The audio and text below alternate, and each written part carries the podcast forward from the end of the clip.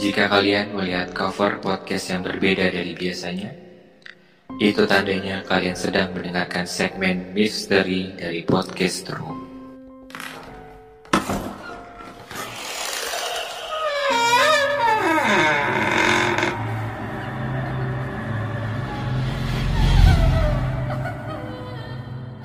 Selamat datang di podcast Ro bareng sama gue Gusti. Gua Omen. Dan gua Miftah. Kenapa segmen ini kita namakan Misteri? Karena Miftah punya banyak pengalaman misteri yang akan dia ceritakan kepada kalian. Selamat mendengarkan.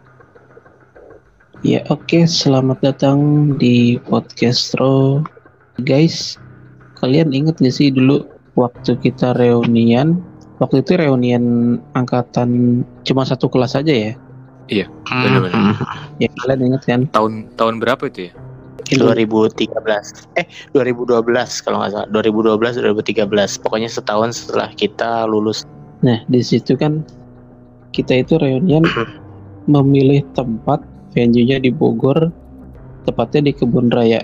Ya, seperti yang kita tahu ya, mungkin Kebun Raya itu kan banyak di situ pohon-pohon besar yang memang sudah lama berdiri di situ gitu ya, sudah lama tumbuh dan besar di situ sampai bahkan ada beberapa titik yang terkesan eh, mistis mungkin ya. Nah, mungkin kalau dari gua pribadi ya, Kebun Raya itu ya banyak menyimpan cerita-cerita yang misteri gitu ya.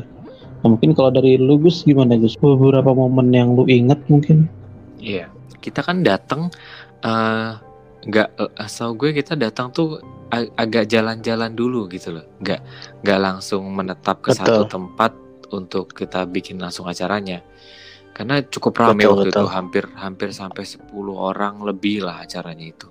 Jadi sampai 10 Betul, orang betul. lebih kita jalan muter-muter apa segala macam untuk terus juga ngelewatin oh ini ada makam makam Belanda nih di ada waktu itu di spotnya tuh ada di dekat eh, kebun Istana bambu gitu dekat samping istana ada kebun bambu di situ ada ada makam Belandanya di situ kan. Iya. Terus kita jalan-jalan sampailah kita bikin acara di sana. Kalau gua pribadi acara reuni itu sangat menyenangkan. Gue tidak pernah tidak merasakan apa pun dan tidak selama gue ke kebun raya tidak pernah merasakan hal mistis apa pun ya. Walaupun orang bilang apa segala macam cerita ceritanya apa horor horor nggak pernah. Gue hanya melihat menyenangkan aja di sana. Dan apalagi reunian itu pun juga cukup seru banget karena gue juga terlibat dalam membuat eh, permainan kan games gitu kan ya ala ala gathering Iya, gitu mas betul. ada gamesnya gue membuat Iya. games di sana main bareng di sana dan kalian berdua bikin souvenir bikin souvenir lah terus Betul. bikin hadiahnya pokoknya ibarat kata kita bertiga Betul, itu panit panitianya lah salah satu panitianya salah salah tiga panitianya Salah yang tiga di tujuh. acara gathering Salah itu salah tiga Jawa Tengah Dijawab, emang. aduh jauh bener Hmm. karena kita bertiga itu Iya. terus eh, di sana pun ya gue ngerasa fun fun aja walaupun kita kan ke titik satu ke titik lainnya tuh foto-foto ketawa-ketawa main game di tempat ini habis itu ke sana main game lagi nyari nyari tempat yang sedikit private gitu loh Mhm. Eh, yang nggak terlalu banyak Betul, orang betul. biar nggak terlalu mengganggu juga gitu. Ya Betul, jadi betul, betul. mungkin kalau dari gua pribadi ya dan Gusti mungkin kita menikmati acara ya Gus ya. Betul. Karena saking asiknya mungkin kita keliling kebun raya pun nggak berasa capek gitu. Untuk mencari tempat itu kan kita memang belum nentuin titik kumpulnya kan. Jadi kita benar-benar muter nyari tempat yang asik yang private yang kita bisa ngadain acara dengan leluasa di situ. Sampai akhirnya Betul. ketemulah satu tempat yang kita jadikan untuk acara kita ini kan segmen misteri ada Miftah di sini yang akan banyak menceritakan hal-hal Iya. yang misteri gitu ya e, Miftah nih mungkin ada cerita apa Mif yang mungkin di situ momen serunya mungkin kita mulai dari momen serunya Ya, gue juga sama sama kalian gitu. Gue menikmati acaranya itu karena kan ya satu tahun setelah kita benar-benar berpisah ya kan dari sekolah tercinta. Wis sekolah Kita- tercinta. Kita ngadain suatu perkumpulan yang sangat seru ya saat itu ya. benar kata Gusti uh, kita benar-benar nikmatin kata Omen juga sama kita benar-benar nikmatin banget acara itu. Yang seru sih yang pas jalannya itu ya karena kayak saat itu tuh benar-benar ngitarin banget yang namanya kebun raya iya nggak? Iya jadi sebelum acara itu kita udah capek duluan buat jalan kaki itu keliling si kebun raya itu. Dan gue juga lupa sih itu sebenarnya makam Belanda atau makam mungkin uh, leluhur kita di situ gitu kan orang Indonesia juga. Gue lupa pokoknya gue benar-benar gak tahu. Tapi yang jelas benar uh, kita ngelewatin makam ya saat itu ya. Hmm. sampai akhirnya kita nemu uh, tempat buat uh, acara kita kan nah di situ gue ingat uh, pesan dari nyokap gue kalau udah nyampe di lokasi jangan lupa kirim-kirim doa buat uh, karuhun yang ada di situ katanya. Sedangkan oh itu nyokap lu sempat pesan kayak gitu ya? Iya, gue izin kalau gue mau uh, ngadain acara gitu di kebun raya bareng teman-teman semua gitu. Setiap kali gue mau pergi atau ke mana jangan sampai kosong itu uh, apa hmm. pesan dari nyokap gue jangan sampai kosong tetap uh, yeah, yeah. jaga doa gitu kan ya udah akhirnya acara kan berlangsung aman ya kan uh, lancar yeah, yeah. gitu kan dan kita hmm. juga have fun gitu seru lah sampai pas permainan ini nih yang gue ingat kan semua hadiah kita kan nyiapin hadiah juga cendera mata juga souvenir gitu ya uh, kalau kita tuh ngadain acara hmm. gitu yeah. buat kenang-kenangan nah sampai hadiah itu kan semua masuk tas gue tuh nah setiap kali pemenang otomatis kita kasih hadiah kan hmm Nah, hadiahnya itu udah pasti otomatis keluar dari tas gua. Mm-hmm. Tapi setelah acara itu selesai tuh, acara permainan kita selesai, mm-hmm. itu tas gua kok kayak masih berat gitu. Gua pikir ada apa di tas gua gitu kan. Gua ngerasanya, ih kok tas gua berat ya? Gitu. Tapi ya udahlah, gua sekali lagi gua nggak mikirin hal yang aneh-aneh. Mungkin karena gua kecapean kali. Di waktu zuhur itu kan kita selesai kita menuju masjid ya kan? Iya iya. Kita sholat tuh di situ. Kita udah selesai sholat gua di situ rebahan tuh. Rebahan karena benar-benar saat itu punggung gue tuh kayak pegel banget tapi gue nggak mikir ke hal yang aneh juga. Ya udah mungkin itu gue sedang benar-benar kecapean gitu kan. Mm -hmm. sampai akhirnya kita kan selesai tuh pulang kan. Nyampe lah gue di rumah. Nah bokap gue itu ngeliatin gue kayak aneh gitu. Padahal sebelum sebelumnya tuh bokap gue kalau ngeliatin gue ya biasa aja gitu. Tapi saat itu bokap gue aneh banget gitu ngeliatin gue nya anehnya tuh kayak gimana kayak nggak biasanya gitu. Ngeliatin gue tuh kayak merhatiin banget gitu. Kayak ada yang beda gitu tapi gue laki-laki ya ya udahlah bodo amat gitu kan. Gue nggak mikirin yang aneh-aneh juga gitu. Ini gue mandi salat asar uh, udah itu gue istirahat tuh rebahan tuh di kamar. Nah abis maghrib itu nyokap gue ngajakin ke rumah tante gue ternyata pas sampai rumah tante gue itu lagi ada tamu dia. Di mana tamu itu uh, bisa terapis lah. Pas uh, si orang itu lagi mijit tante gue gue liatin kan uh, metodenya dia gitu. Tapi si orang itu tuh ngeliatin gue terus. Di, orang itu laki-laki ya udah udah parubaya lah. Nah singkat cerita selesailah dia terapi tante gue kan. Tiba-tiba dia nyamperin gue sini deh katanya iya pak ada apa? Gue bilang gitu ke dia. Terus uh, tiba-tiba dia tuh kayak nunjuk uh, nunjukin telapak tangannya dia ke arah muka gue dia bilang lihat telapak tangan ini. Tadi dari mana? kata dia gitu. Gue bilang dari kebun raya. Gue bilang gitu kan. Ya udah coba lihat perhatiin uh, di tengah-tengah telapak tangan saya.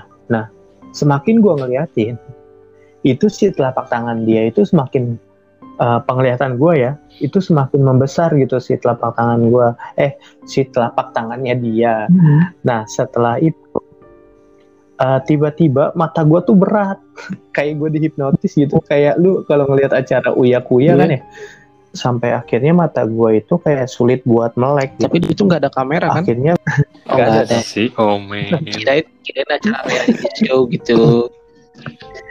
tiba-tiba uya kuya keluar dari ini ya. Bawa tisu gitu. dari Bawa tisu rumah terus dibakar. sebenarnya gue nggak nggak kayak yang di film-film gitu ya. Nggak kayak di acara TV gitu kan. Benar-benar kayak jadi lupa semuanya Hmm. gitu. Enggak gue ingat gue tahu apa yang diomongin orang-orang sebelah gue saat itu kan. Gue tahu suasananya gimana gitu. Cuman mata gue doang ini susah banget kayak buat melek gitu. Karena berat banget pokoknya gue ditanya-tanya gitu dah sehingga cerita tiba-tiba si orang itu yang terapi tante gue itu nepak punggung gue tiga kali. Nah, pas dia nepak punggung gue tiga kali, bisa melek di situ. Terus dia bilang, bukan bilang ke gue sih sebenarnya, dia ngarah ke arah pintu keluar. Udah sana eh, pergi, gak usah balik lagi. Dia bilang gitu. Wah, gue merinding sekarang cuy. Terus kata dia, eh gue nanya kan ke dia, oh pergi siapa? Gitu. Gue bilang gitu kan. Itu eh, mereka suka sama kamu katanya. Mereka mereka siapa? Gue bilang gitu kan. Mereka siapa? Berarti gak cuma satu dong gue bilang. Iya itu ada dua noni Belanda katanya dia suka sama kamu dia pengen ikut sama kamu. Gue langsung diem dong. Perasaan gue tadi nggak ngapa-ngapain dari kebun raya? Gue bilang gitu kan. Berarti lu itu dari dari mulai kejadian yang aneh di kebun raya itu yang pas lu mulai rasa berat gitu ya pundak ya karena lu kira tas lu masih ada isinya mungkin? Iya sampai iya rumah betul itu betul. ternyata makhluk itu yang nempel di lu gitu yang bikin badan lu berat. Mungkin ya, gue nggak tahu juga sih. Gue nggak mau ini jadi fitnah, sumpah. Eh, mungkin dia indigo kali ya, si terapis eh, tante gue itu. Hmm. Dia bilang cuma gitu aja. Makanya tadi saya nanyain kamu, kamu dari mana gitu. Karena ini yang ikut kamu itu noni Belanda katanya. Buset, Tujuan mereka itu apa? Pikiran ya. Lu, tahu nggak mereka itu tujuannya apa gitu ngikutin lu? Eh, si orang itu bilang kalau mereka itu suka sama gua. Waduh. Ih bahaya banget gak sih kalau misalnya kita disukai nama kayak gitu? Gus, ini orang ya, Gua- bukan cuman di kalangan manusia aja deh Gus. Iya bener kan. Auranya bener-bener Gila, gila. ini Iya, Auranya sampai ke dunia lain. itu di ya ya kan. Serem banget nih orang. Bener lu gimana? itu gua Teman kita satu ini Gus. Wah nggak ngerti deh gue. Sampai ada yang demen gitu sih.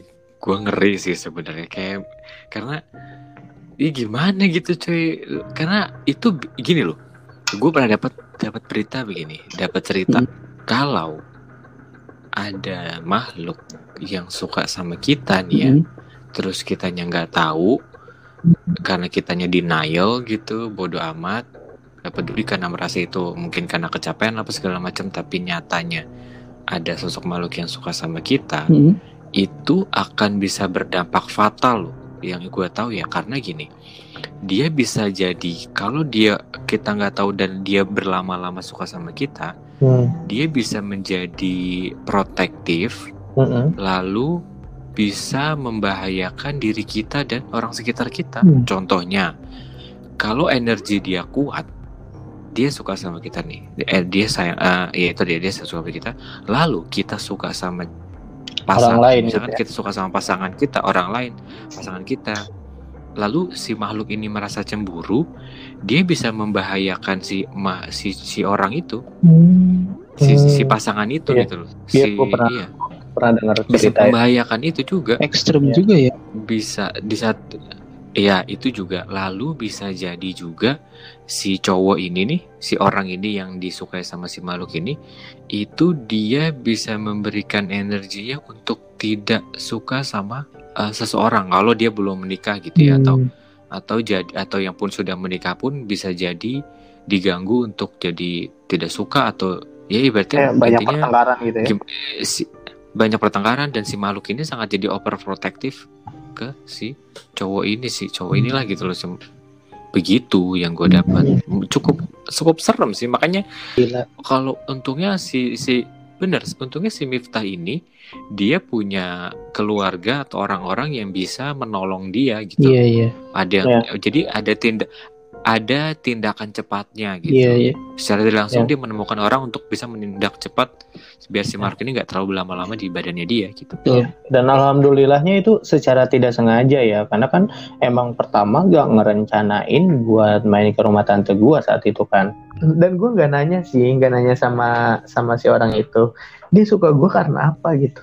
Biasanya gua cuma dibilang kamu terlalu baik gitu. Waduh. apaan tuh Aduh, itu klise banget itu kamu terlalu baik buat aku. Kamu terlalu baik buat aku. Atailah. yeah.